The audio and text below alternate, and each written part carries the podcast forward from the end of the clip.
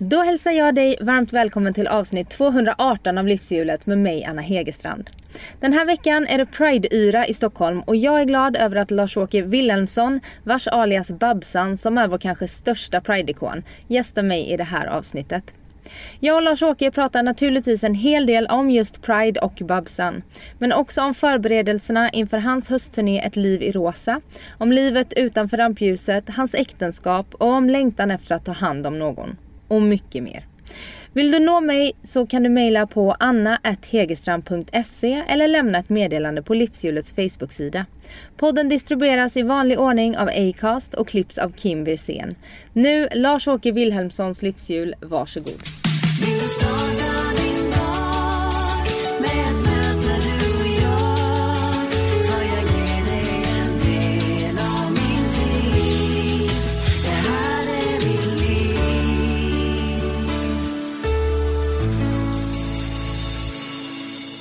Välkommen hit! Tack så jättemycket. Hur mår du då? Ja men jag är pigg faktiskt. Det är kul nu att eh, Priden startar här. Det här sänds ju alltså mitt i Prideveckan kan man ju säga. Ja, det är ju fantastiskt. Jag tycker det är så kul att starta. Jag var med på ett litet lopp i söndags och sprang faktiskt fem kilometer för det gick pengar till Regnbågsfonden så det var första året de hade Run for Pride. Så jag fick vara lite uppvärmare där i gymnastik. Pekka Heino hjälpte till och stuffa till diskomusik och sen så sprang vi Djurgården runt fem kilometer. Och jag var Babsan naturligtvis.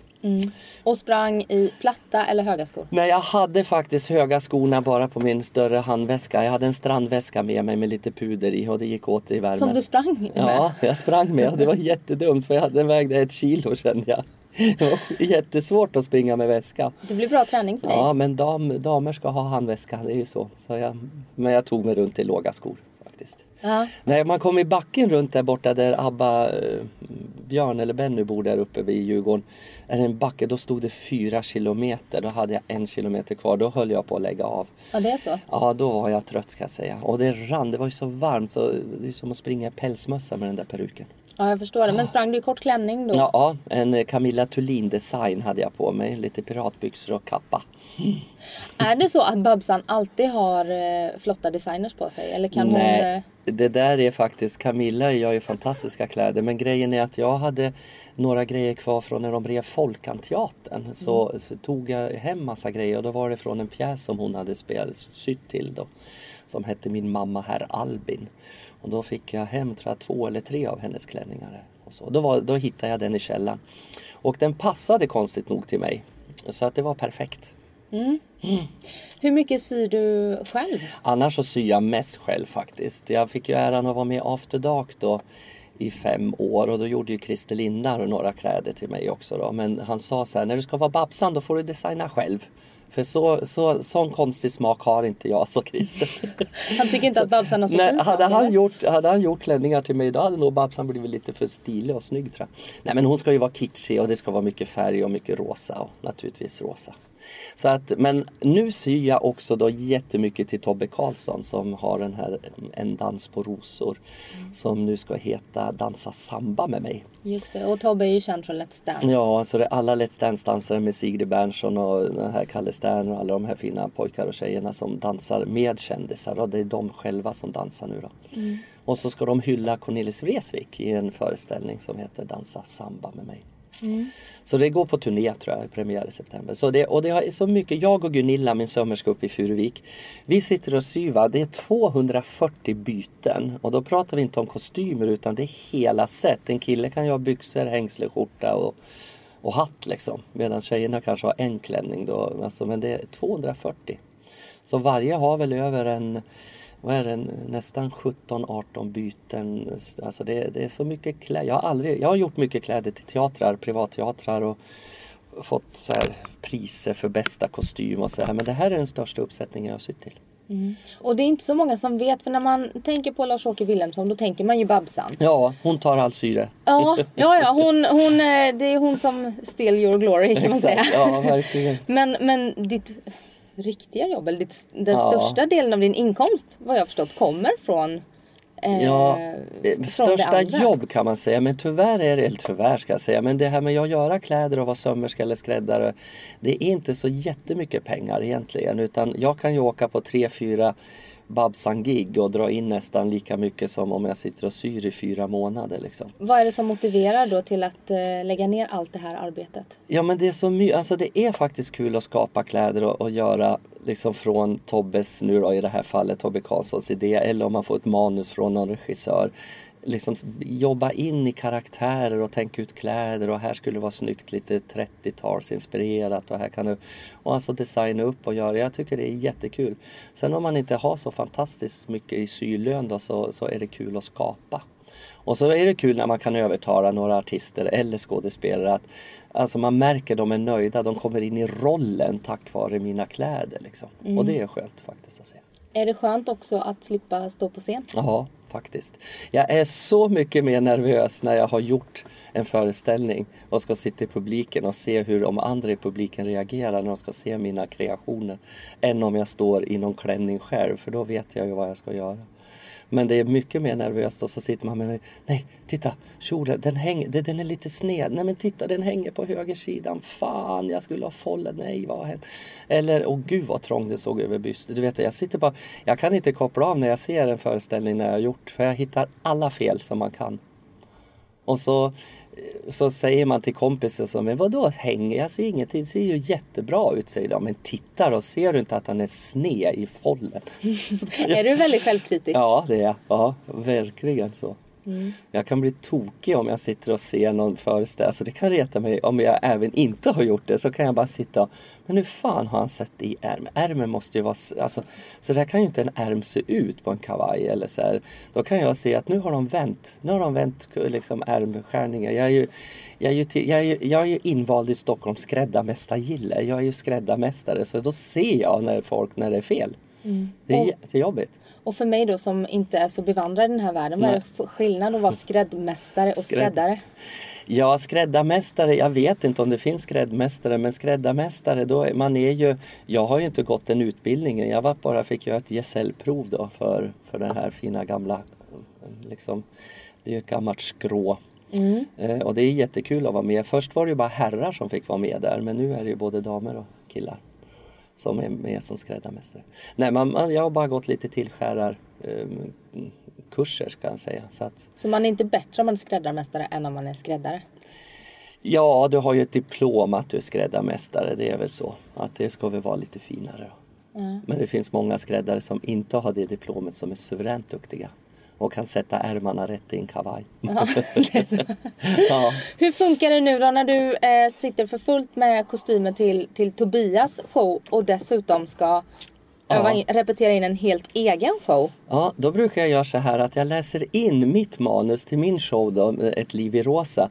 Så sitter jag och lyssnar på mig själv i liksom så här, spelar in på mobilen, så här, någon voice recorder eller vad det heter. Och så sitter jag och lyssnar på det när jag syr Tobbes kläder.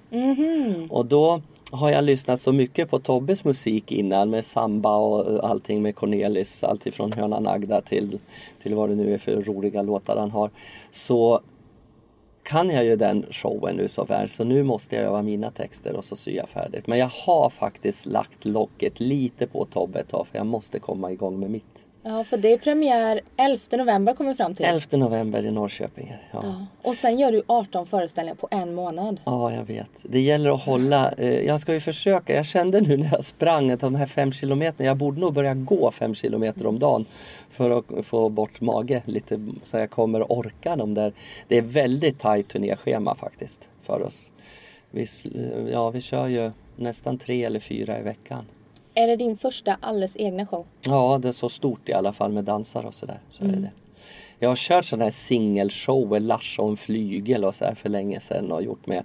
Och sen fick jag ju vara med i After Dark då, det största uppsättningen jag någonsin har varit med i. I fyra, vad var det, fem, fyra och ett halvt år med Christer i After Dark. Och eh, det var ju efter när Lasse gick bort och sådär. Och Lasse Flinkman då, som var med precis. förut. Eh, och det, men den största egna showen som jag gör är det faktiskt. Mm. Hur känns det? Ja men det, Hans Marklund är regissör och han gör manus med mig och vi skriver texter och grejer. Och så är det några killar från manusförfattarna som är med och lägger in lite vitsar här och där. Och eh, Lifeline står bakom hela produktionen då. Och det är ett sånt härligt gäng, Hans Marklund och jag, vi, vi känner varandra sedan 79. Så vi är liksom så vi kan varandra helt utan till och vi har samma sjuka humor och vi har vi är samma ålder. Vi är 58 bägge två och eh, det kommer att bli, jag känner att det här kommer att bli en jättekul show. Det är så hemskt att säga det men jag är så kritisk för att i månader har jag ringt till Hans och sagt Ja men du det här vi måste ha, den här är inte bra. Så här, ja men Larsa du måste ju testa det först innan du tar bort den. Nej men jag känner det här kommer inte att gå hem.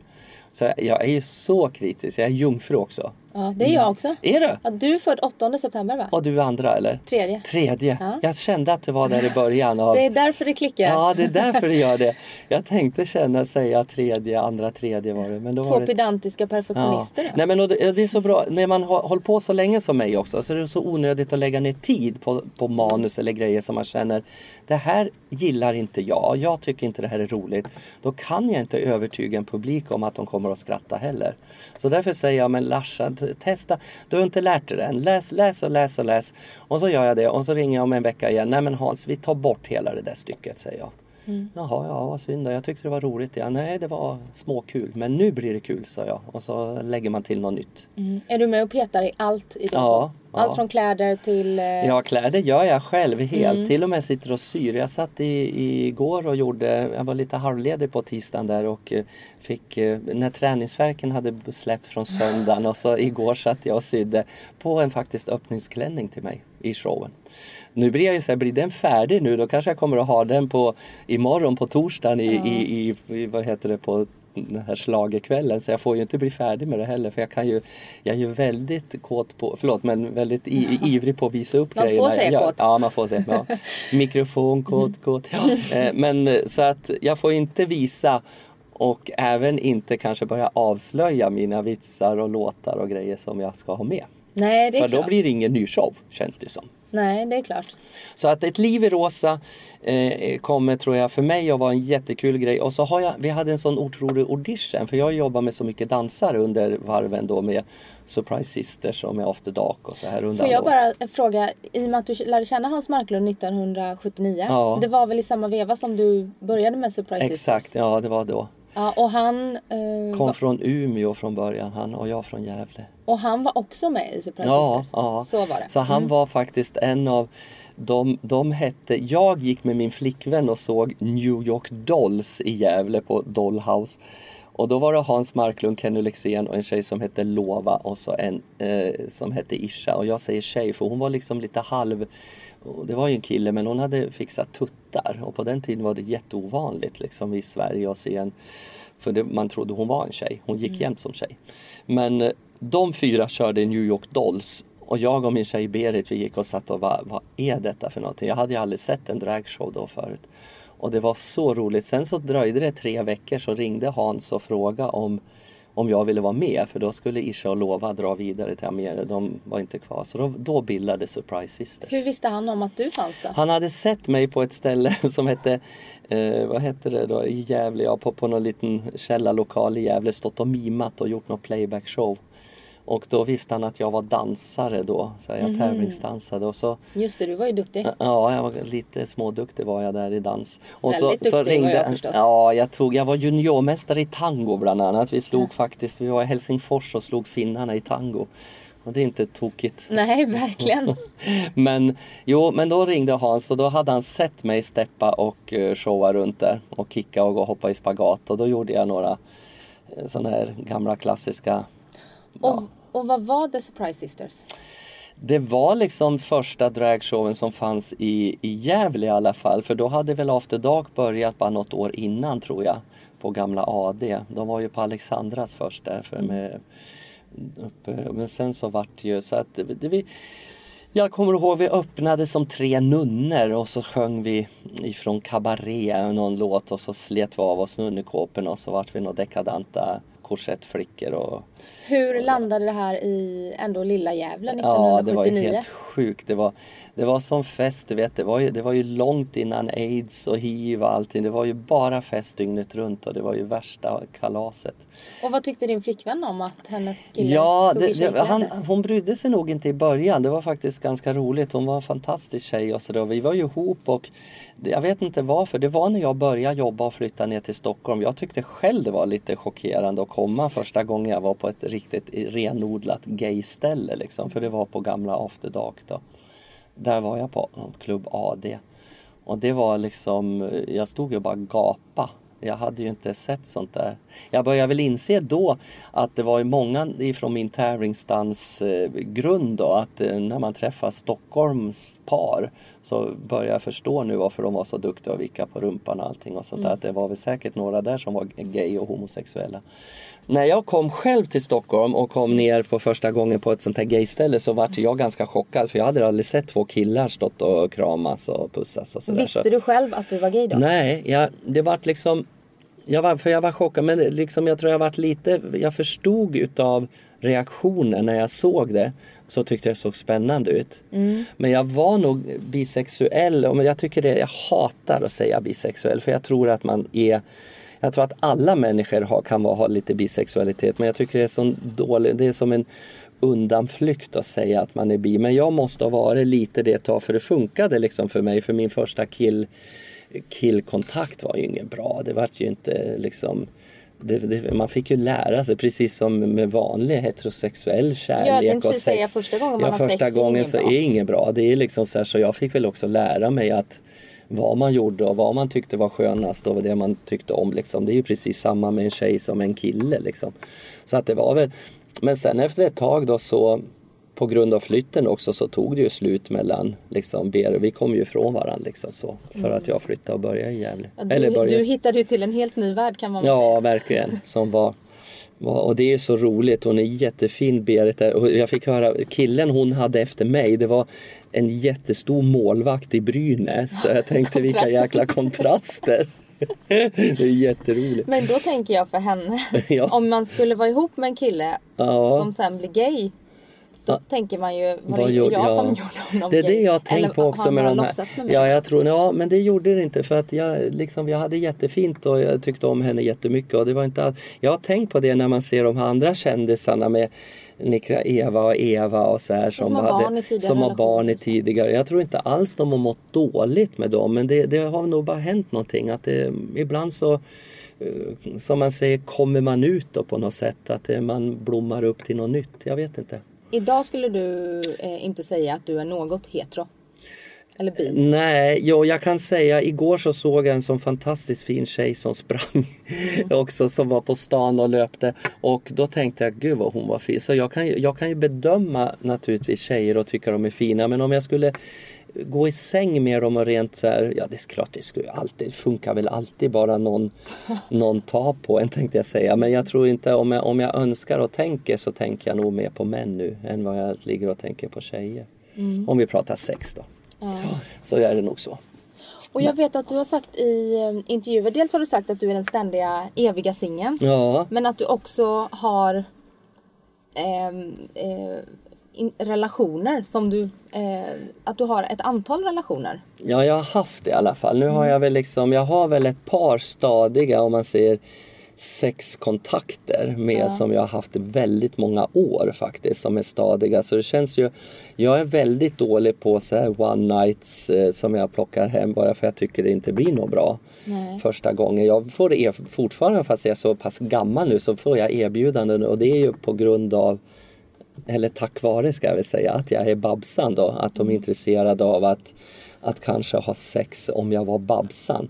Men de här jag har stadiga, jag har två kan man säga som jag träffar som är som också gudskelov inte har, har några partners utan de är också singlar.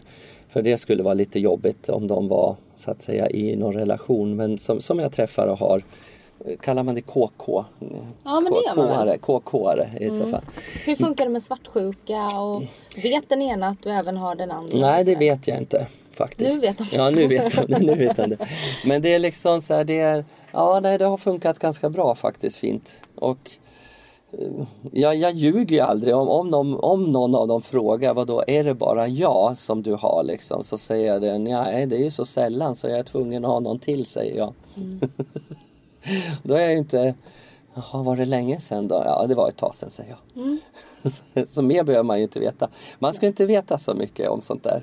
Jag tror det är så även i ett vanligt förhållande. Men jag kan säga, jag har eh, flera homosexuella eh, kompisar. Ja. Eh, alltså bögkompisar. Och eh, när vi pratar om deras liksom, relationsliv och Mm. sexliv och sådär. Jag är supergenerad då. Du är det? Mm. Ja, eh, den världen.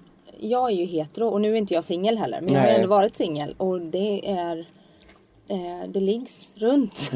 Jag har också Mm. Men- varit på Patricia några söndagar. Men tror du inte att det är lika? Jag har ju så många heterovänner Mm. och jag tycker det inte är någon skillnad med dem som är singlar. Det liggs runt ganska mycket i heterovärlden Kanske också. jag som är präktig. Ja, jag tror det. Och det är lika med mig. Jag känner mig skittråkig när, när folk säger så här, men gud vad mycket killar.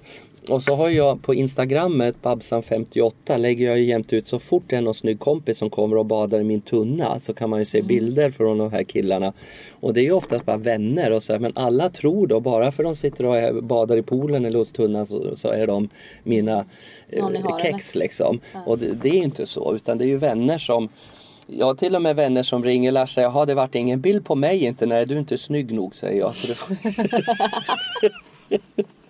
Nej nu var jag skoja. Men, men det är det jag menar så att det är Men jag tror det är en fördom att gaykillar skulle ligga runt mer än vad en heterokille gör. Jag tror, jag tror faktiskt ja, det jag är är ju heterotjej. Mm. Så det är också en skillnad. Mm, för att jag tror att de som, och så är det precis som med allting, att de killar som ligger runt, de gärna berättar och scrollar mycket om det och det finns säkert jättemånga heterokillar som inte berättar heller att de... Inte för tjejer i alla Nej, fall, inte för för, tjejer lite- för de vill vara... Men sen så är de liksom, jag tror att det är så. Jag, jag tycker det är en gammal fördom att, att bögarna skulle knulla mer än, än, än en heterokille. Jag tror det. Är. Sen var det ju i min uppväxt här då på början av 90-talet när hiven och så aidsen kom in. Då var det ju jättenoga med det här med kondom och skydda sig. Och jag tror många Många vart så här, oj nej fan i mig. Ska jag liksom, då hade man kanske nyss kommit ut och så kommer den där sjukdomen. Så ska man inte få liksom ge, Bejaka. ha kärlek och bejaka sin läggning. Utan då ska man helt plötsligt dra ett gummi över sig helt och vara liksom som leva i celibat liksom på grund av den här Hur sjukdomen. hanterade du den perioden? Ja, jag var ju försiktigare. Man hade ju inte oskyddad sex och man hade inte Ja, man, man tappar lite lusten för jag jobbar ju ute på krogen då. Jag såg så många som kom som, som var sjuka. Det, I början innan bromsmedicinerna bet och det var bra bromsmediciner. Det var ju bara sockerpiller en del. De, de var ju tvungna att testa liksom.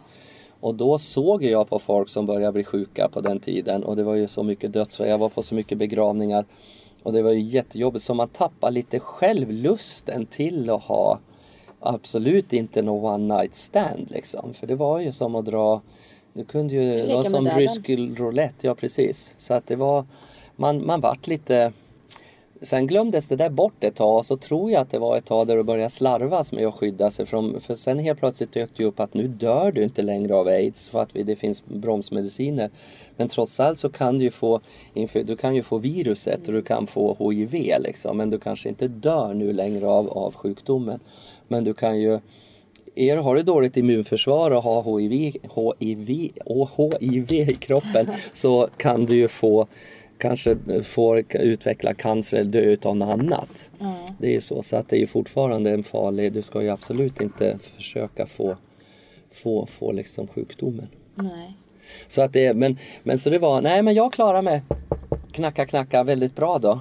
Och för att jag har hållit mig också till lite tråkigt och präktigt och att jag inte tar chanserna när det ges. Nej. Utan jag håller mig till dem som jag vet. Och så vet vi vad vi tycker om och man, det känns tryggt att vara med dem som man som det fortfarande funkar. Mina yngre vänner säger att du håller på med sånt där, du är ju så jävla gammal nu, ska du, ska du hålla på med det där? Men jag har väl inte något fel, jag, har, jag mår jättebra tack vare att jag kan fortfarande vara aktiv och tycker det är en jättekrydda i livet med sex Ja, med det har dem man väl ingen tycker om. ålder, sexualitet, Nej, jag va? tror inte det. Jag tror inte det.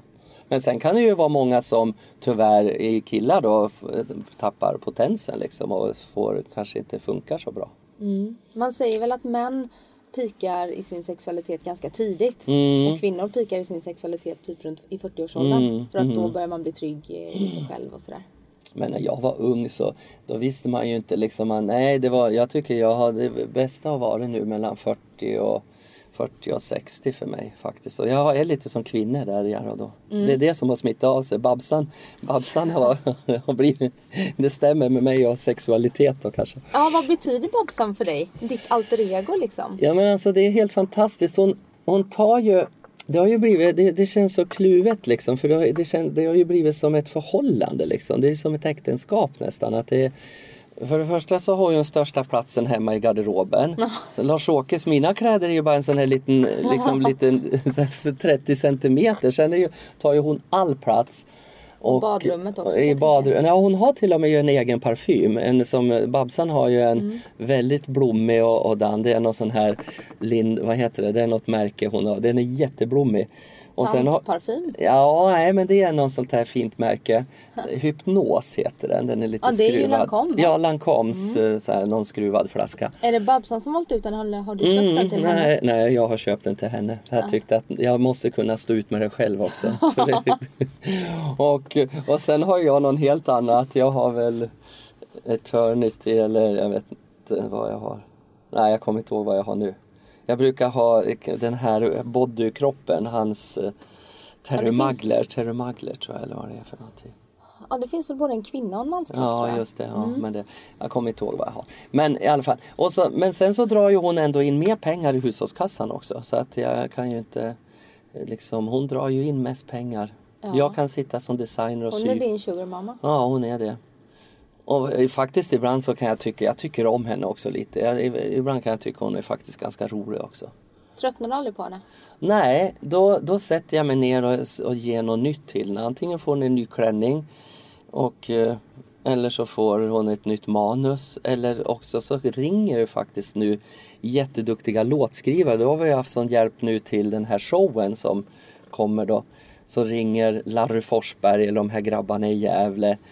Eller så här, säger vi har, vi har två låtar här som vi skulle tänka att skulle passa. Vill du lyssna på dem? Och så har de spelat in och sjungit in då. Och då har det varit, men det är helt klockrent. De här vill vi ha direkt. Så då köper man ut dem och så får jag åka till Gävle och så tar de in orkesterkillar och så lägger man på och så spelar man in. Och jag ska ju sjunga live så att men jag lägger också på så jag kan lära mig det sen då, sitta och lyssna på det hemma. Så har man en backup också om min röst skulle försvinna där i november, december. Så att jag kan köra någon sorts playback. Jag är så dålig på playback alltså. Jag köra sjung- live? Ja. Det är, det är, alltså för mig är det alltså jag kan ju inte sjunga. Det är inte varken Peter Jöback eller Sara Dawn Finers röst jag har. Men det blir, jag är ju ändå en underhållare. Man går ju inte att lyssna på mig för att lyssna på skön sång. Man köper inte en skiva med dig? Nej, eller? kanske inte. Men jag har skivor. Jag har gjort mer skivor än Anna Bok. Ja, Mm. men Anna, Bo Anna Bok eh, har inte gjort så många skivor. Nej. A, B, C. Nej, men Du jag gjort vet fler inte. skivor än mig också. Ja, Ja, nej men det vet jag. ja Babsan har hunnit med mycket under åren. Hur länge faktiskt har hon det funnits? här genom, från 70, eh, vad säger jag, nej 79 började jag med, eh, 92 började jag, 92 var jag. 92 vart det. Då föddes Babsan på ZTV 1992.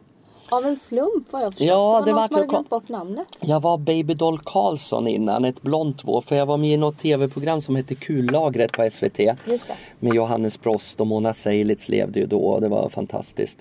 Eh, och eh, det var sånt där sketchprogram kan man säga och då hade de Babydoll Karlsson var jag blont våp som vart ner hissad på en måne så här. Jag tror det ligger något Youtube-klipp med Babydoll på Youtube. Kommer jag ner på en månskärva så här sitter jag så här. Tiddelidoo! Hej, jag heter Babydoll Karlsson. Och, så här, och då var jag Babydoll Karlsson i ZTVs begynnelse där 92. Så var det några killar och det är så svårt för vi har diskuterat vem som sa fel men det föddes ur ett hjärnsläpp. Det var Jesse Wallin, Sven Hallberg och han långa Anders S Nilsson som var programledare på ZTV där då. Det. det står på Wikipedia att det var han som sa fel. Det står så där. Ja, det, jag vet, det är det som är. Men jag träffade honom en gång och han sa nej till fan gjorde jag det. Men jag tror någon utav det var det. För att, och det är så synd, just det programmet har jag inte inspelat. Annars är alla inspelade på gamla VHS. Sådana här kassettband. Ja. Och då säger jag nu är det dags fredag kväll direktsändning här på ZTV som vanligt. Så vet ni vad som händer klockan åtta i studion. Här har vi live. Be, be, be, vad fan presentera mig då tänkte jag. Be, be, Babsan! Jaha, heter jag Babsan nu också? Då, då skulle, han glömde bort Baby Doll. Och så vart det Babs. Så veckan efter då hade jag bytt peruk, jag hade bytt stil för då hade ju den här Dame Edna börjat gått på TV. Ja. Hon, den här gubben med blå, rosa, blå, lila håret från Australien. Och då sa jag det är mycket roligare att göra mig till tant. Mm. Så från det här våpet så vart jag en lite ja, kitschig tant liksom Mm. på en vecka. Det är ju bra långsiktigt också. Ja, och det, kan ju...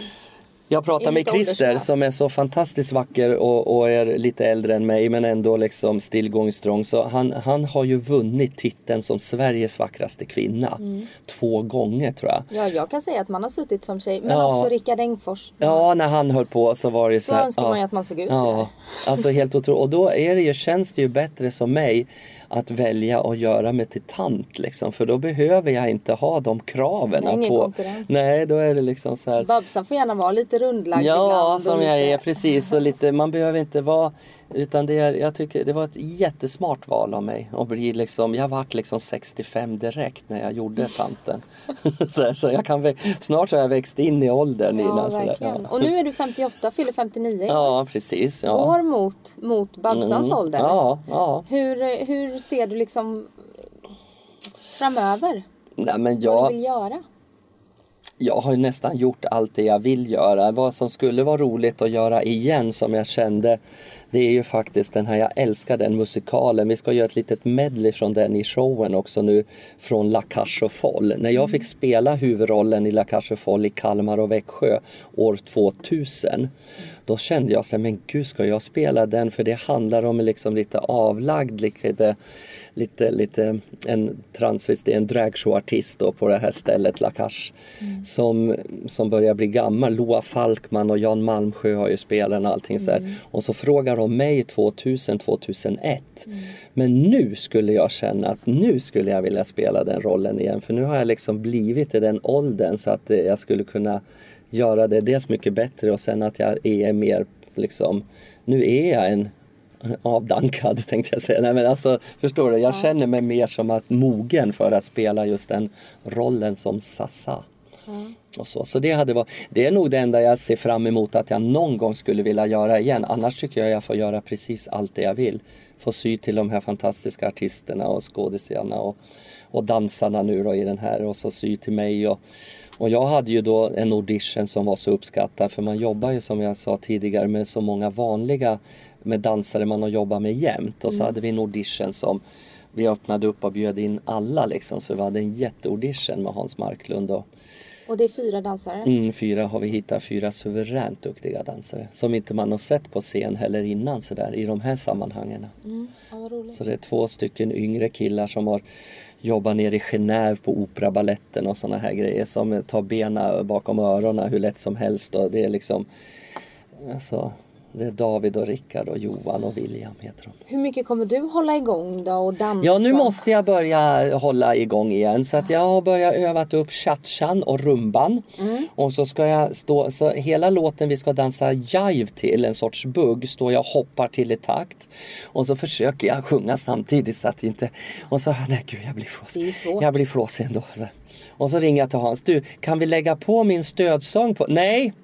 Säger han och så lägger han på luren. Du ska sjunga. Mm. För då vill jag liksom kanske fuska. Jag kanske kunde ha playback i det numret då. Jaha. Nej, det ska sjungas live. Ja. Om jag blir jätteflåsig. Ja, Men är det inte lite okej om Babsan är flåsig? Jo, det är det jag tycker. Mm. Och det tycker väl han med. Men jag tycker att någon gång skulle det vara kul om det lät något sånär bra. det är kul om folk hör texterna när jag dansar och sjunger. Jag gjorde ju Melodifestivalen när jag var med 2011 i Ge mig en spanjor. Mm. sjöng jag ju då. Och där hade de koreografen satt så det var ett otroligt stort nummer med någon trappa som snurrade och jag hade matadorer och det var dansare hit och dit. Mm. Och du vet då, då var det för mycket koreografi för mig för jag dels nummer ett, jag kan inte riktigt sjunga så bra. Nummer två, det var så mycket koreografi så att det var ju enormt mycket rörelse och så. Så att jag var ju, men jag kände, hade inte jag gjort det då hade ju numret varit bara liksom Platt, platt. För det, alla vet liksom, Babsan då ska det vara show och så ska det vara dans och fart. Så att det var ju inte, jag hade inte gått så mycket bättre tror jag om jag stått rakt upp och ner och sjungit heller. Nej. För då hade det inte varit lika kul. Så att det, man, det, får, det får vara så, jag bjuder på det. Ja. Har du någon plan för hur du ska försöka öva upp flåset lite? Ja, jag ska träna springa lite. Jag måste ut och, inte fem kilometer varje dag, men kanske köra lite intervallträning så här. Springa 100 meter, gå 50, springa 200 och gå. Lite så. Kör du själv eller har du någon som hjälper dig? Jag har, haft nu, jag har betat av så många PTR, va? personliga tränare. Så att jag blir ju vänner med dem och så går jag mer ut och fikar och äter lunch med dem. Så att jag måste träffa någon som jag... Nej, jag måste klara det själv. Det är ju en undanflykt det där att jag är så jätteduktig på att slingra mig. För jag har ingen karaktär. Totalt noll i karaktär har jag när det gäller att träna. När det gäller kost? Ja, jag lever gott och väl och jag äter gott och, och går ut mycket och äter och jag är liksom... Nej, jag, lev, jag lever så länge jag kan så att säga. Mm. Vilka är dina största laster då? Nej, men det är väl liksom god mat och, och kanske vin, alltså att jag dricker liksom gott vin till maten. Men jag har läst att det inte är så mycket ändå kalorier i det vin. Om man tar ett glas rött om dagen till middagen, kanske inte är så mycket men det är klart det skulle hända om jag kanske skippade och drack bara vatten. Men det är så tråkigt. Ja, det är så tråkigt, det är så trist. Men hur funkar det i jobbet då? Det blir mycket alkohol. eh, Ja, det är så tur. Alltså, jag har så många vänner i den här branschen som har tyvärr blivit lite alkisvarning på dem och de tar ett glas efter jobbet och de sitter kvar och så tar de ett till och de sitter och räknar kassan som servitris och servitörer och så här, man sitter och, och ja, varvar ner. Det är mycket det här med att nu måste jag varva ner, nu är jag värd det här glaset, nu är jag värd. Det är mycket så i, i våran, det här livet att man är värd ett glas. Och då är det väldigt många som tyvärr har, har fastnat lite i det också. Jag tycker jag klarar mig ganska bra. Det var ett tag när jag jobbade i Genève där har varit inte. Det var i Osaka när jag var på turné med Surprise Sisters. Då hade vi i Osaka eh, i Japan där nere hade vi tre shower per kväll. Och stället hette bara namnet på stället Banana Show House hette det. Tre trappor upp i ett höghus. Osaka om man har varit i Osaka och sen kommer till New York då tycker man New York är blaha blaha. För lilla Manhattan, om du tar 12 Manhattan och slår ihop det då blir det ungefär Osaka. För de sköt ju ner hela den på andra världskriget så de har ju byggt upp värsta höghusgettot i. Osaka. Ja det var jättemaffigt. Och där istället, Banana Show, hade vi tre shower per kväll och det var bara japaner naturligtvis som satt. Vi såg inte skillnad på publiken. Alla, så, alla hade exakt samma frisyr och samma tänder och samma gråa kostymer.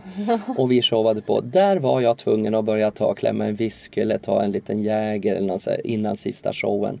Och då kände jag det här går inte. För jag hade ingen inspiration att gå in och uppträda igen tredje gången. Men whisky och sånt blir man inte trött. Jag tänker att droger är mer effektivt om man vill vara pigg. Mm, konstigt nog och gudskelov har jag aldrig börjat med det. Jag testade rökt en gång och fick huvudvärk och mådde jättedåligt. Och då var det väl vanligt gräs. Och sen en gång så har jag stoppat fingret i en vit kokain eh, och dragit på framtänderna så, här, så jag domnade bort i överläppen. För det är också en annan fördom att eh, i gayvärlden är det mycket droger. Ja, det har inte jag upplevt alls. Nej. Inte. Däremot på vissa kändis, jag har bekanta som, som, har, som bjuder på sånt, som har det tillgång till det. Och jag har inte då. Och sen När är det det så, fest så är det matbuffé, matbuffé och så ligger det en liten spegel med ett litet sugrör. Ja, det har jag varit på sådana fester. Men grejen är att där har jag aldrig, jag har varit så ADHD-speedad ändå tror jag. Att jag har aldrig, och jag är så glad för det. Och sen har jag väl inga fördomar för de som, jag tycker bara är tragiskt att man ska behöva ta den typen av droger. För jag ser alkoholen, ett, ett gott vin, ett glas eller en gin och tonic på en fest eller någonting sånt där. Det tycker jag är socialt liksom. Men sätta näsan ner på en spegel och dra en lina. Jag tycker liksom, vad är det för festligt då? Då tycker jag man har lite problem med att kunna ha kul ändå liksom. Eller vara social utan och det tyvärr, sen säger jag ingenting för det finns folk som kan behärska, som kan ha det där också, kontroll på det där och kanske dra en lina en gång i månaden eller något då. Men för mig så är det, jag är emot droger. Jag vill, jag kan ta ett glas men jag är faktiskt emot eh, så det har blivit att när jag har blivit bjuden till vissa så har jag tackat nej för jag vet att det finns där. Och då har jag inte gått. Jag har andra vänner som inte har en buffé med, med, med pulver. Har du inte gått då för att du inte vill vara i de sammanhangen eller för att du är rädd för att du skulle hamna dit? Nej, aldrig karaktär. Nej, oh, nej, nej, det har jag. Alltså det, där har jag karaktär när det gäller det. Men nej, Mm. nej det har inte varit det. Jag känner att jag vill lite, ja. För mig, alltså jag är så gammalmodig där, för mig är det brottsligt. Alltså för mig ser jag det som, ungefär som att jag skulle köra rattfull eller jag skulle åka mot enkelriktat eller jag skulle alltså begå ett brott. Jag tycker det är fortfarande, eftersom vi har de lagar vi har i Sverige Mm. så vet jag att det är, det kanske många tycker är fel att vi inte får röka för att många ser det, Det är som en- många som är för legalisering. Ja, för, en, för, för Mariana att det skulle vara medicin och man mår bra utav det. Och så här att, okej, du, men nu har vi ju så i Sverige att det är förbjudet och då får man väl respektera det. Ja, Tills det, det blir- tycker den präktiga delen i mig också. Ja. Att, ja men om det är lagligt. Ja, ja, då det, kanske jag, nu funkar inte det för mig att röka för jag fick huvud, jag mådde inte bra av att röka. Och då, då var ju det tur i det då. Men att eh, sen om det är någon som mår bra av att röka då, då, väl, då får de väl eh, göra det i smyg då. Eller, alltså, men det är ju ändå fortfarande tyvärr kriminellt då. Ja, ja det är där jag drar gränsen Ja, också. exakt. Absolut. Du, jag undrar, eh, för du bor ju både i Stockholm, Ja, på Östermalm va? Jättefint på Östermalm. Ja, på som Riddargatan, va? Riddargatan, ja. Ja. Så fina kvarter förstår du. Ja, Och så har du ett jättefint sommarhus. ja det är så mysigt. Furuvik. Som jag älskar. Det har blivit mer och mer. Så fort jag är ledig åker jag ju dit. För jag, jag, är så här, jag har ingen bil. Jag, bilen står uppe i Furuvik i Gävle så jag är väldigt nyttig mot miljön. Så jag åker ju tåg upp då till Furuvik. Ah. Så jag byter i Uppsala där och så tar man ett upptåg så kan jag kliva av i Furuvik. Mhm. Så jag kan gå till stugan på sex minuter sen från Furuvik station. Och eh, där är jag så mycket jag kan och det är ett gammalt sommarställe som mina föräldrar och jag köpte ihop. Mm. När pappa levde, nu är pappa borta i två år. Men då köpte vi ihop. Sen ville jag börja bygga ut det och rusta så efter några år köpte jag ut dem. Så nu vart det bara mitt då. Och så var ju pappa där och hjälpte mig med gräsmattor och grejer ändå när jag skulle komma hem. Men nu har jag byggt till det så nu kan jag vara där året om och så har det blivit ett eh, jättefint fritidshus. Ja, alltså det är ju verkligen ett riktigt hus med Ja. pool och grejer. Mm, ja, nu är det Precis vid stort. vattnet, va? Ja, ligger vi. Det är sötvatten. Det är delar från Dalälven. Den här fabriken, Stora Kopparberg, alltså Skutskärsfabriken som har virke, sulfat eh, och sulfitfabrik där. Mm. De gör virke och pappersmassa och pappersmassefabrik är det väl. Då drar man vatten in så vi har en sjö som heter Tröskeln och Tröskeln rinner ut i havet. Så jag har sötvatten utanför mig och sen så Mm. rinner det ut då bara en kilometer ner ut i havet. I söder om Gävlebuktens gröna strand. Så det är precis gränsen Uppland-Gästrikland. Och där är du även på vintrarna. Mm. Då har jag ju lite golvvärme i köket och är härligt i badrummet och så har jag tunnan står ju på året om på 39, det är 37 grader sommartid. Sen har jag den 40 grader på vintern. Härligt. Så kan man hoppa i och mjuka upp fötterna så man är trött efter högklackat. När man har gått i högklackat på jobb så är det så skönt att komma.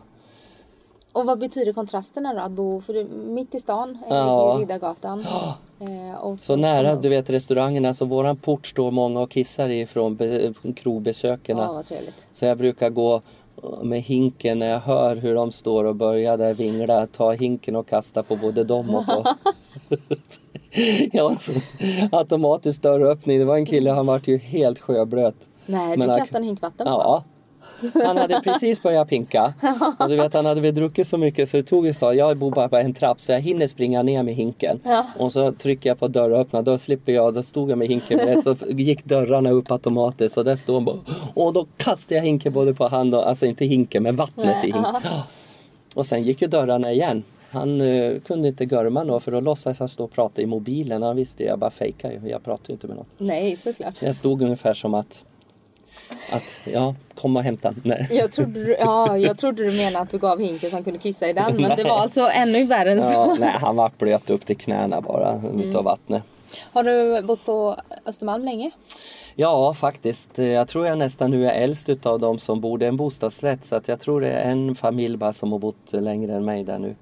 Jag tror det är från, ja nog är det väl 26 år allt. 26, 27 år. Det är Och du sa sjukt. vi bor där. Ja. Du och din hund Ja, jag och min hund. Nej, men jag bor väl, eller Babsan tänkte jag väl på då. Som, Ni tre som- bor där. Vi tre där bor, ja.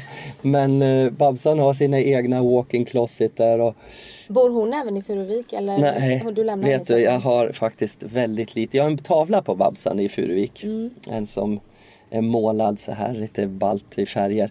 Men eh, nej, vi har bott där. Vi har bott där nere så länge. Jag Mm. försökte, jag har ju en syateljé där, ett rum som jag syr. Som, som de kom och tittade på från skattemyndigheterna för de tyckte att det var liksom så jag fick inte ha genomgång för då kunde jag använda genomgången privat. Mm. För jag försökte dra en del i, i hyran då ifrån det. Ja, det. Då fick jag slå igen då en dörr så jag kunde inte gå igenom. Så nu har jag ju som en ateljé jag drar då där i. Mm. De är helt sjuk på den där. Men de kommer hem två gånger och de kommer hem och tittar på allt jag har. Mm, bäst att du har dörren stängd nu. Ja, och jag, nej, jag har ju fått spika så vi fick ju slå. Men då har du både syateljé och du har Babsans walk-in closet. Ja. Du måste bo stort då. Ja, det är en stor... Jag fattar inte, vi pratade om det. Tänk dig, jag tycker så synd om ungdomar nu som ska köpa någonting i stan alltså. Den där lägenheten tror jag fick betala någonting för de här... Alltså, jag tror att det var nog på fyra...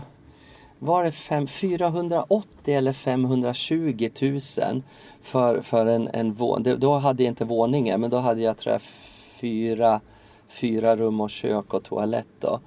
Och sen så, så köpte jag när de grannarna skulle flytta så jag fick den våningen som det var byggt från början.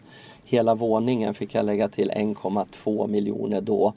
Men nu vet du, så att sammanlagt så är ju den där värd på bankpapper bara. Jag är ju liksom, jag tror det är 14 till 16 miljoner den är värd. Om jag skulle sälja den idag. Det är över 120 000 kvadrat. Jag tycker, det är helt sjukt hur det kan bli. Så jag har ju, jag, jag sitter ju på en förmögenhet så jag kan ju, jag är ju jättemiljonär tack vare lägenhet, våningen där. Då. Och jag tycker så synd om alla unga par eller som ska köpa. Men fasiken har liksom 4-5 miljoner och kan köpa en, en liten lägenhet för. Liksom. Nej, och på Östermalm får Ja. man inte mycket för 4-5 miljoner Nej, idag. gud nej, det är ingenting. Det är en liten skrubb liksom. Ja. Jag gick och mätte på skoj så här och så sa jag till en kompis, vet du en, en sån här kvadrat är värt, sålde de ovanför mig för en, 100, 120 000 för en kvadratmeter. Här. Du hade fått 5 kvadratmeter för de där 480 000. Ja, exakt. Nej, det är så. Men det är kanske inte det vi skulle prata om här. Men det, det, är, så, det är så synd att det har blivit sån bostadsnivå liksom i Stockholm. Så. Men det kanske är överallt. Ja, fast Stockholm är väl Ja, värst. är väl värst jag. nästan. Ja. Eh, när det kommer till pengar, hur Ja. viktigt är ekonomi för dig? Nej, men jag, jag vill ha så att man klarar sig naturligtvis. Jag tycker det är kul och nu... Det ja, verkar du ju ha nu. Ja, jag klar, ja exakt. Så om jag vill eh, dra ner på så kan jag väl flytta upp till Furuvik helt och sälja min våning där på Östermalm. Då klarar jag mig tills jag dör säkert. Men, eh, men ekonomi, jag tycker så här, det är klart att pengar är, är ju inte allt liksom men det är klart det är ett plus att ha liksom lite pengar och man kan röra sig med. Och jag går ju ut och äter mycket och det gör jag väl mycket för jag lever själv och är ensam. Liksom att jag är singel och så men att, eh, för då träffar man ju folk men ja, jag vet inte. Jag har väl aldrig jag är ganska sparsam. Alltså jag går ju fortfarande och köper. Jag har en vän, jag var upp till min revisor och jag åkte till New York. Han går och köper skor och så här för 1200, 2 4 da, da, da. Jag, jag liksom går och handlar kläder fortfarande på Zara och på H&M och alla sådana här ställen för att jag tycker liksom jag vill hellre köpa lite nytt då och då än att ha liksom en märkesjacka för flera tusentals kronor. Så jag är, inte som, jag är ingen märkesbög sådär. Jag är inte någon sån där som måste ha jag kan inga märken. Nu skulle jag försöka dra till med något fint märke. inte på Men något. kom inte på något. Jag kan bara sådana gamla klassiska som Prada och, Mm. och du vet sådana här gamla. Ja, jag kan ingenting när det gäller märken. Du vet mina polare kan säga, jaha är det en och så säger de någon namn. Inte vet jag. Nej, så det är. H&M eller Zara. Ja, så här, eller något sånt. Så att jag är inte alls någon sån där märkvärdig. Så jag har inte så dyrt klädkonto. Men alltså det har ju Babsan då. För där syr jag ju för paljettyger som kostar 4, 5, 6 tusen kronor metern till liksom. Det kan du väl dra på företaget? Och då drar jag det tänkte Ja. jag säga. Men nej men så jag är, men nog klart det, pengar är, är kul att kunna ha och tjäna. Men ibland så, så så lever jag också att jag känner men gud nu har jag, som hela den här sommaren har jag sagt nej till mycket jobb. För att jag skulle kunna ladda för min show och sådär. Och då känner man ju det att nu på, på företagskonto och så här. Det minskar ju liksom för jag får betala moms och grejer ändå så här, varje månad och känner nu lär jag dra åt lite. Det är så, därför jag frågar är för att du eh, verkar vara ganska om dig och kring dig ändå. Eh, jag tänker på de här pensionspengarna eh, Ja. som du ju faktiskt gifte dig Ja. för att kunna ge till ett eh, Ibland, bra ändamål. Ja, ett bra ändamål. Så det var, hon är en jättegullig tjej på banken som Maria ringde och sa Larsa du måste göra något. Du vet den här pensionsförsäkringen som jag pratade med dig om. Du, du vet att du blir av med den om någonting händer liksom. Ja men jag har ju skrivit testamente nu på syrran och så här, Ja men det gäller inte för det, det, du har en Ja jag vet inte vad det är för någonting men pensionsförsäkring och en sån här pensions... eh, Det är två. Jag har en som om jag dör så kommer en att gå direkt till syrran. Men sen är det någonting med någon pensions eh, grej som jag har som är ganska mycket på över 850 000. Som hon sa, du måste vara gift eller ha barn för att annars går den till allmänna pensionsfonden. Men alltså hur gammalmodigt är det då? Precis som alla är gifta eller har barn. Mm, det känns jättekonstigt. Och då är det så här att då sa jag, men så Larsa nu får du antingen gifta dig sa hon så att du vet för annars så du vet för vi, vi sätter stopp på att sätta in mer på den tyckte hon då så här, tills det händer någonting då. Ja då sa jag då gifter jag mig då så jag. Och så frågade jag en kompis som jag tycker jättemycket om och han tycker väl om mig på sitt sätt men han är inte gay då men jag frågade vill du gifta dig med mig? Och han sa va? Är det ett skämt nu eller? Nej jag vill gifta mig för att Du kommer nämligen få 850 du kommer att få, om jag dör så här, åh vad bra, då ska vi åka på en farlig honeymoon sa han så jag kan ta liv av det. Ja jag tänkte säga det, är du inte rädd att han ska döda dig? Nej, och då åkte vi till Paris och hade en romantisk... Ja, det var jätteroligt. Vi gjorde på skoj, vi köpte ett, ett sån här lås också, ett hänglås som vi hängde på den här bron över Paris. Det, de har de tagit bort nu för det var så tungt. Ja, jag läste. mitt, vi gjorde ett vänskapshjärta. Och så hängde vi på den där bron och hade ju- Tyvärr så är han ju inte gay den där killen men vi Nej, har och haft han har ju tjej. Ja, han Vad har sa tjej hon när också. han gifte sig med annan? Jag frågade henne också om det var okej. Ja, ja, vi ska ju aldrig gifta oss sa hon. Och, och de är visst inte, de bor ju inte ihop heller för han, hon jobbar i, kvar i, i Sverige och han bor ju i Spanien nu. Så att eh, de, de ses ju inte så ofta heller. Men eh, nej, det var helt okej så då gängade jag med honom. Så att, eh, Har ni ett äktenskapsförord? ja. Ja, ni har. Jag Ja. tänker din lägenhet där. Jag blev lite orolig Vi har skrivit det att om jag dör, det är bara de pengarna han får och inga annat. Han har inte tillgång till något. För det Nej. går på syrrans testamente. Då. Ja, okej. Och eh, om han har skulder så ska inte jag ha någon inblandning i det heller, står det. Nej, det är väldigt bra. Så var skrivet ett Det är äktenskapsförord. det jag menar, du är ju om dig och kring Ja dig det är med jag. pengar. Men det där var nog hjälp med hjälp utav andra. Jag hade nog inte tänkt så långt så Vad själv. händer nu då om du träffar någon som du känner att du vill gifta dig Ja med men själv? då får jag väl skilja. Det har jag ju sagt till Jonathan också att om han träffar någon om de skulle gifta sig så får vi naturligtvis eh, skilja oss. Men det gäller först när du har fyllt 60 då eller? Ja, pengarna med är pengarna. säkrade. Ja, jag frågade honom lite så här, men behöver du inga pengar då? Jag är lite morsa till honom så här, klarar du det där nere? Vad lever du? Vad jobbar du med? Har du pengar? För jag, jag trodde han kunde säga, nej men du kan skicka över några tusenlappar så här liksom, så kanske jag kan börja få något. Men liksom han, han vill ju inte det så jag har inte liksom jag tycker det hade varit mysigt att fått uh, skött om någon, tagit hand om någon och betalat lite så han har fått någon.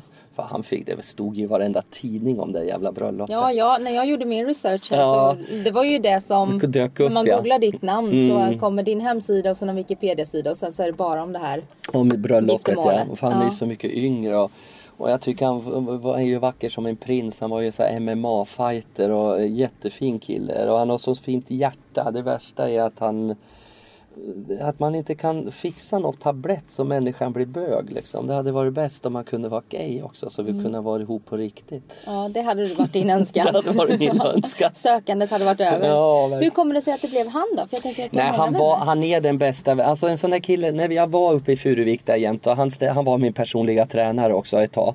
Det var så vi började umgås. Och så började han hänga och han är, han har, han är så omtänksam. Han är bryr sig, han är, det är en riktigt fin vän. Han är, och så ett, vi har väldigt mycket samma åsikter om saker och ting. Så vi började med att vi satt bara och snackade om, om, hela, om livet, om världen, om jorden och hela allting. Och så hade vi väldigt mycket samma liksom, tankar om allting.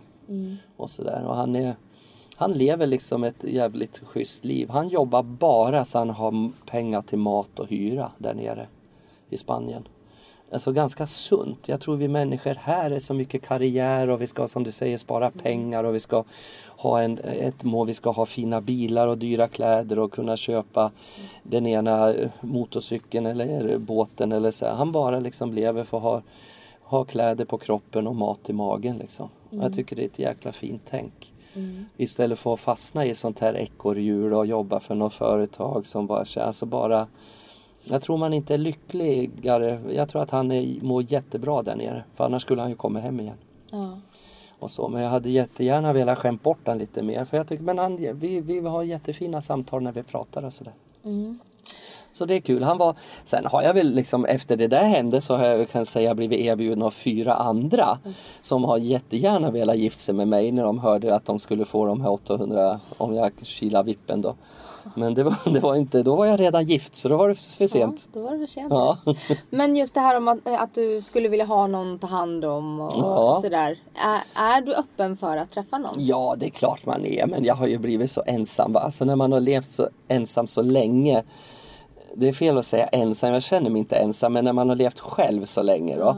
så, så är jag liksom man har ju kommit in i sådana rutiner. Jag tycker, vad ska det vara för människa som ska kunna glida in i men man kanske inte behöver bo ihop fast man är ihop. Jag tror att jag skulle ha jättesvårt att och Babsan skulle ju vägra att ta bort delar av sin garderob för att släppa in någon annan. Såklart. Men, men det är klart man skulle vilja vakna med någon ibland och liksom så här och kunna Jag är ju väldigt, du vet hur man är som jungfru, man vill ju ta hand alltså, Har jag någon som sover över, även bara en kompis, så är jag uppe och fixar frukost och donar och så att det står färdigt och springer ut och köper färskt i närmsta 7-Eleven och så att det är färdigt. När de så smyger man in och väcker, är du vaken liksom? Så, och så är man, man är ju, man, jag, är, jag tycker om att pyssla om och ta hand om. Men jag har inte, nu har jag lilla Brisse, min lilla hund, jag får pyssla om då. Ja, Bris- är det, vad heter han? Brixton? Ja, Bristol. Bristol. Bristol, Ja, men jag kallar honom Brisse. Han är uppe i Furuvik nu under hela den här veckan. Så han slipper vara i den där parken då. Ja. I Pride. För Ja, det. han är aldrig med i offentligheten. Det är inte Babsan. Nej, han har ju varit med på vissa tv-program och sådär Brisse. Men eh, han, han är ju jättesocial och trivs. Men du vet, det blir så hög... När parken dunkar igång efter fem så blir det hög musik. Och det är inte... Jag tycker det är inte bra varken för hundar eller små barn att vara i de där miljöerna. Det blir lite för stimmigt. Och sen när folk börjar dricka lite och så här, Jag tycker då kan de få vara på landet och ha det mysigt istället. Åker du upp till Furuvik efter den här veckan? Ja, kommer jag göra. Jag kommer åka direkt. Antingen efter paraden på lördag. Det gjorde jag förra året. Då tog jag av mig och åkte hem. Jag tror jag var hemma vid tio på kvällen då. Sen så, så åkte jag ner till Patricia på söndag för jag kände mig gud jag hade ju glömt bort vi skulle ju ses och jag tar liksom en avskedsmiddag. Håller du fortfarande i kvällarna? Nej, jag gör inte det. Jag är där, jag är kvar lite som ett sånt här galjonsfigur för båten då Mm. på söndagarna på lite utskick och när de blir inbjudna på födelsedags. Man får ju så om man är medlem. Det får man. jag. Mm. Ja, det får du också. ja. Men jag kommer att vara där faktiskt nu. Jag var ju där igår då för de här volontärerna eh, som, Mm. som hade liksom en fest då, som, då uppträdde jag lite ideellt för att de som jobbar hela veckan nu med det där då. Och så d- några är nog trötta idag här på onsdagen som har varit där igår och festa.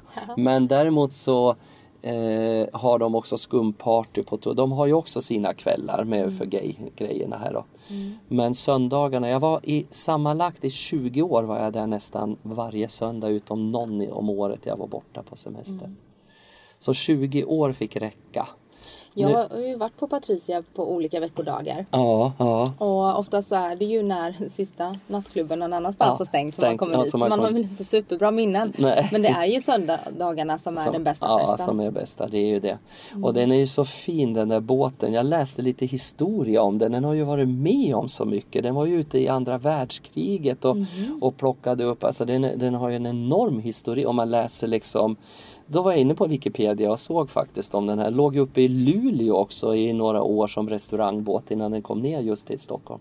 Och nu ligger han ju så vackert där nedanför Münchenbryggeriet så ser man ju hela den flyttar ju från Slussen in där nedanför så man ser stadshuset på andra sidan och så där ligger där nere vid Södra Mälarstrand. då. Jättefint är det. Jag bor eh, på Marieberget. Jag bor precis Jaha, ovanför den ovanför nästan. där. Så Ja, jag ja. promenerar alltid förbi när jag ska gå bort till Tantolunden. Ja, så ja, just det. Ja, Mm. vad kul. Ja. Och jag kan säga på, på somrarna när vi sover med öppet fönster. Då hör ni. Då är det mycket fyllon som går förbi där vid Nej. fem, halv sex på morgonen. Allvarligt, Ja. för det är ju det som de har lite och ändå så har det ju skett mindre stök nu sen de flyttade från Slussen för det Ja. var lättillgängligare att gå ner för folk från Slussen. Mm. Så nu har de mindre problem med det faktiskt men det är klart det är för folk som vinglar hem ändå. Ja precis, alla ska ju ta sig hem från den där båten. hem, ja precis.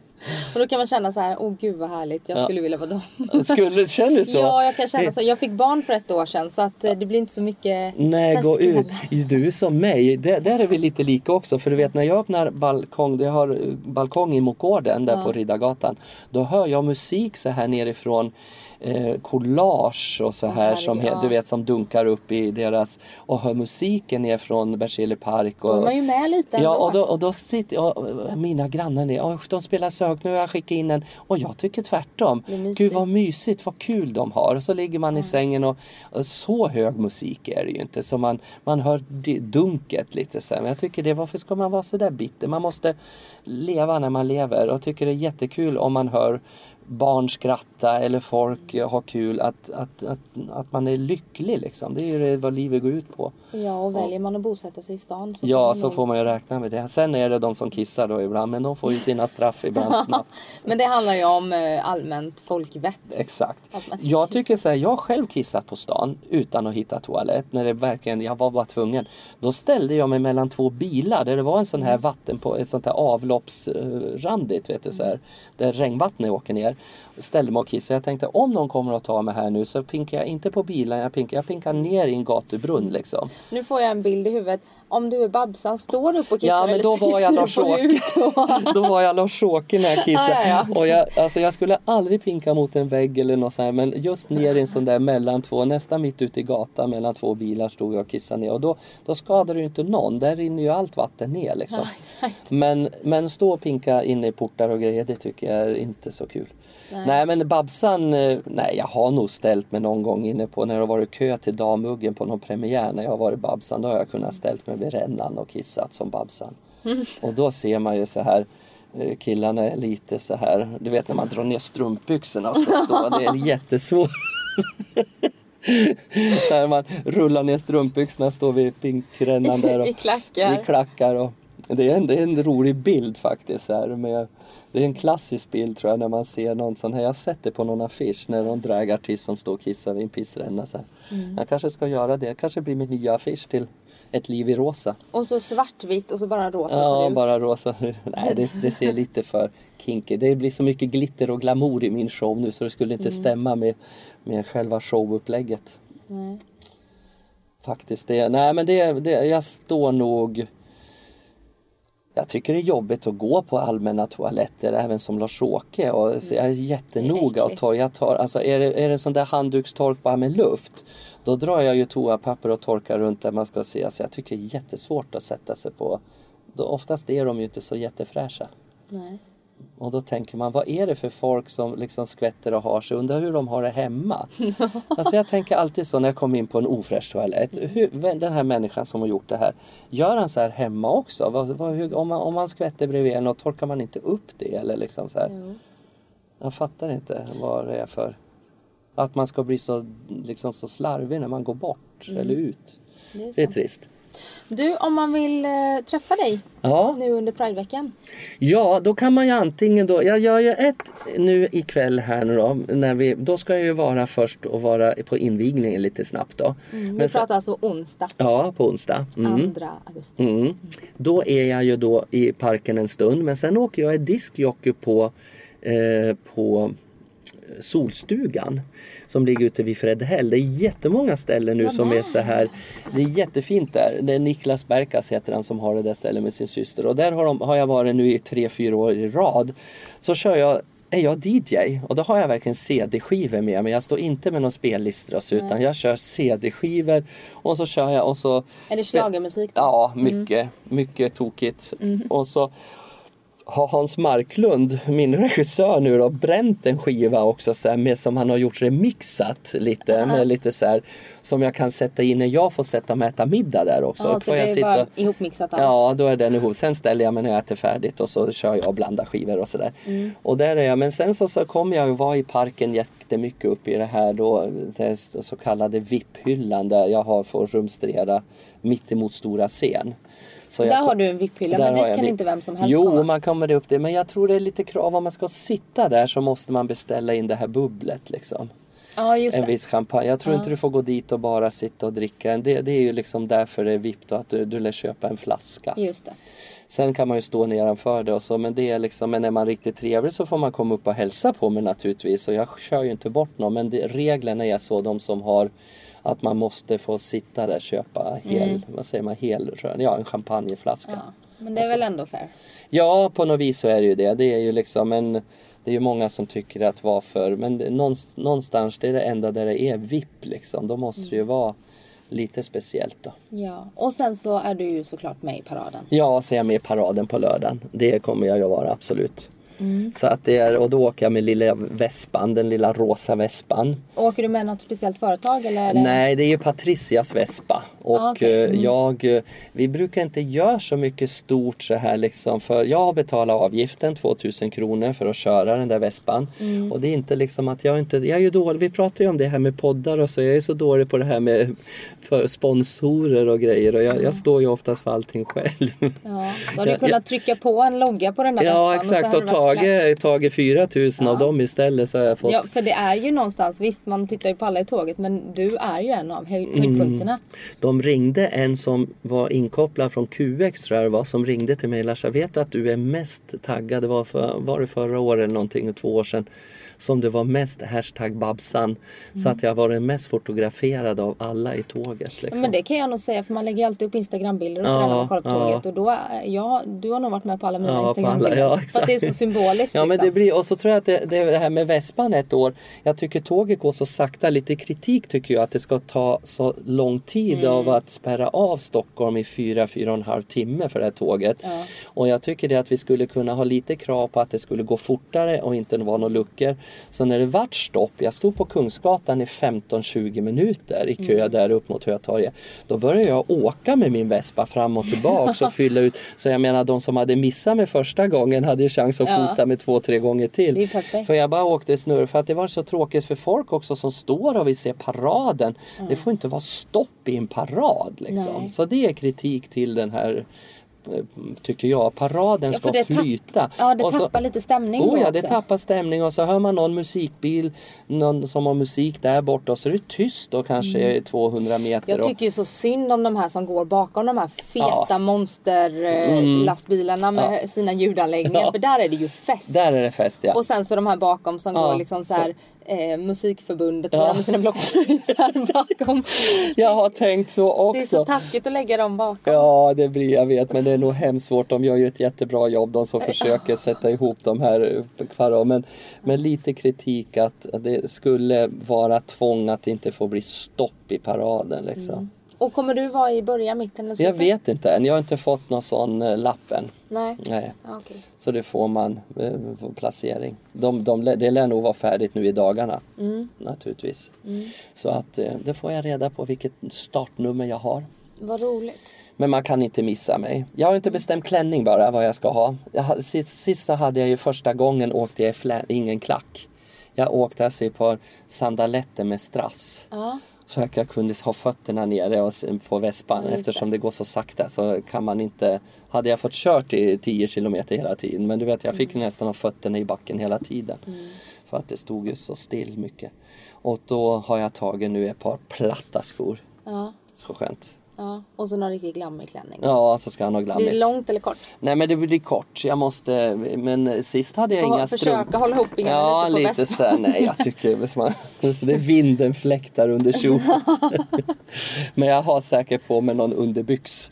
Jag ska inte vara som kiltarna, som skottarna. Och ha Det vore lite kaxigt annars. Ja, jag kanske skulle ha en rosa kilt. Det kanske jag skulle sy. En kilt, en så här skottsrutig yll. Nej gud vad varmt förresten. Nej det går inte. Nej, det ska bli varmt på Ja, det ska det. nu i helgen. Nej men jag ska ha något. Förut eh, hade jag knutit såna här ballonger också i halloween som flög så här. Vad säger man? Gasballonger. Ja, det, ja. Men efter ett tag, jag fick blåsa dem kvällen innan och så då när jag skulle knyta på hade ju några sig sackat så de hängde ju mer neråt än du vet gasen går ut på något Ja, vis. Så, här. så att de såg ut som trötta snoppar som hängde efter. så vi får se om jag ska ha ballongklase också. Ja. Sen om vinden vet du, blåste, det hade den knutit bakom mig då på Ja, så, här det. Så blåste det ju ibland så jag fick ju ballongerna framför mig så jag såg ju liksom ingenting. Då är det kanske tur att det går långsamt. Ja faktiskt. Ja. Men vad roligt, då vet alla eh, var man kan hälsa på dig under den här Ja, veckan. absolut. Och eh, det blir då, ja det, det kommer vara, jag känner det det var en dam faktiskt som sa så här till mig när vi sprang som jag varit lite fundersam. Undrar hur många som tänker så att är det varför ska ni ha ett eget lopp? Hon kommer att fråga på den här Run for Pride. Så kommer varför ska ni, ni har väl vanliga ben och kan springa i vilket lopp ni vill. Ja, så ja, men nu är det här liksom lite starten på Prideveckan och att det är liksom pengar som man anmälningsavgiften välgörenhet. går ju till välgörenhet. Det går till den här regnbågsfonden som jobbar för mycket för de som är förtryckta i andra länder, sa jag sådär. Ja men vadå, de, det är väl, ja det är ingen, alla ska väl få vara som de vill. Ja det, det tycker ju vi med. Så Det är ja, därför men, vi springer Ja men det är därför vi springer här nu och så, så att ändå så kan man inte förstå att folk fortfarande att ja men och så ska det spökas ut och så här. Nej men det är väl bara jag som utspökad sa jag för jag var ju Babsan liksom. De andra är väl, här har du en hel barnfamilj. De ser väl ganska så här, ja men jag tycker alltid att det ska vara så mycket extra runt det här med när det är med Pride och allting. Varför kan inte ni också vara som vanliga människor och så? Ja, men, alltså då blir man så här, men gud tänk att det finns så många som går och är så bekymrade över att det ska vara lite glittrigt och lite regnbågsfärger och liksom att, att hon, hon tyckte väl att vi skulle skärpa till oss och vara lite mer beigeare liksom. Och kunde springa i ett vanligt maraton. Det är väl inget märkvärdigt om man är... Hon, hon hade ju en värld... Hon tänkte ju rätt men hon presenterade det så fel. Hon, liksom, hon tycker att varför ska ni ha en parad för? Ni kan väl gå i vilken eh, demonstrationståg som helst och varför skulle vi ha ett eget lopp och varför ska det vara så mycket tok runt era grejer? Hon menar att det är väl, ni är väl inga annorlunda än någon annan och det hade hon ju rätt i men hon sa det på ett väldigt konstigt sätt. Men i stora delar av världen och även i Sverige så anses eh, Ja, det är ju dödsstraff i vissa Ja. länder. Det är fortfarande förbjudet över, jag vet inte om det är 70 länder där det är förbjudet, liksom straffbart och det är väl det är dödsstraff i över 20 länder. Ja, fram till vad var det? 1979. Mm, då var vi i sjukdom i Sverige också. Ja. Mm. Och det är inte länge sedan. Nej, herregud. Det är det inte. Det var... Ja, Vi ska gå vidare höll jag på att säga. Jag ska Ja. släppa iväg dig nu. Vad snällt. Vad jätteroligt mm, att du jättekul ville att få komma. komma hit så får vi se då hur det blir. Ska det redigeras det här då eller ska det bli som det är? Eh, jag klipper så lite som möjligt. Ja, det Eller inte bra. ens jag utan jag har en slipper person som är det. bättre. Ja. ja. Nej, men det blir så mycket live on tape som möjligt. Vad kul. Ja. Jätteroligt. Och jätteroligt att du vill vara gäst just under den här veckan också. Mm, det är Det fantastiskt. känns passande. Vi ska ut nu och kärlek till alla. Kärlek till folket. Ja, verkligen. Och lycka till med egna showen. Ja. Den ska jag gå och se såklart. Man kan, till kan man inte ett liv i rosa.se kan man visst gå in och titta. Ett liv Mm. i rosa ihop då. Ett liv i rosa.se. Där kan man se vad vi spelar.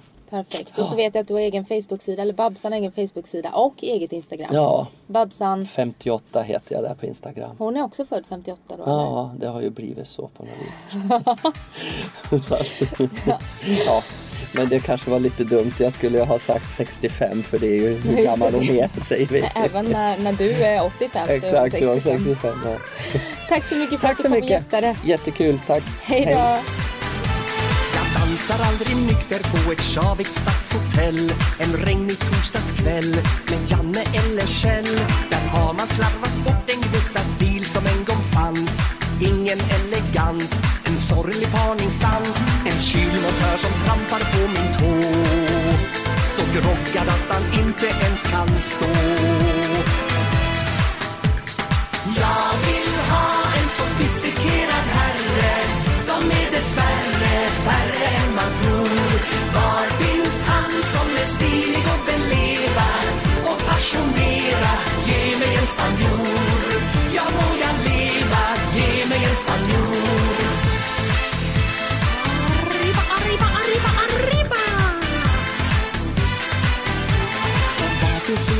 Som tinar upp mitt frusna blod som för mig till sitt bord och viskar vackra ord. Här sitter de och flörtar med en billig servitris på amatörers vis. Succé naturligtvis. Var finner jag en äkta gentleman?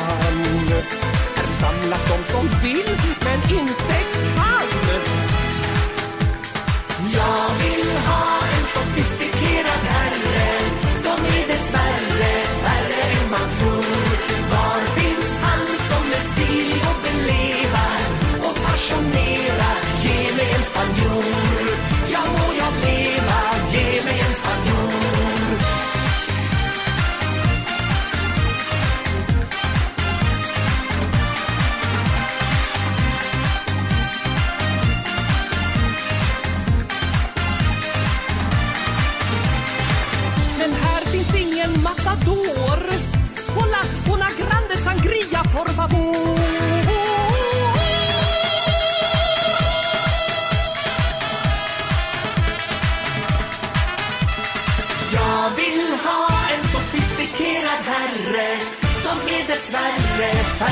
man tror.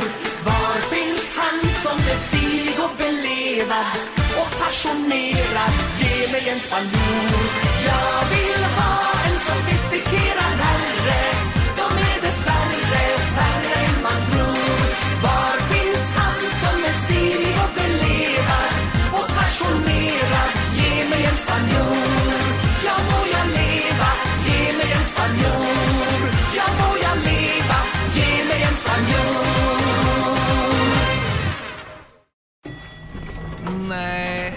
Dåliga vibrationer är att gå utan byxor till jobbet.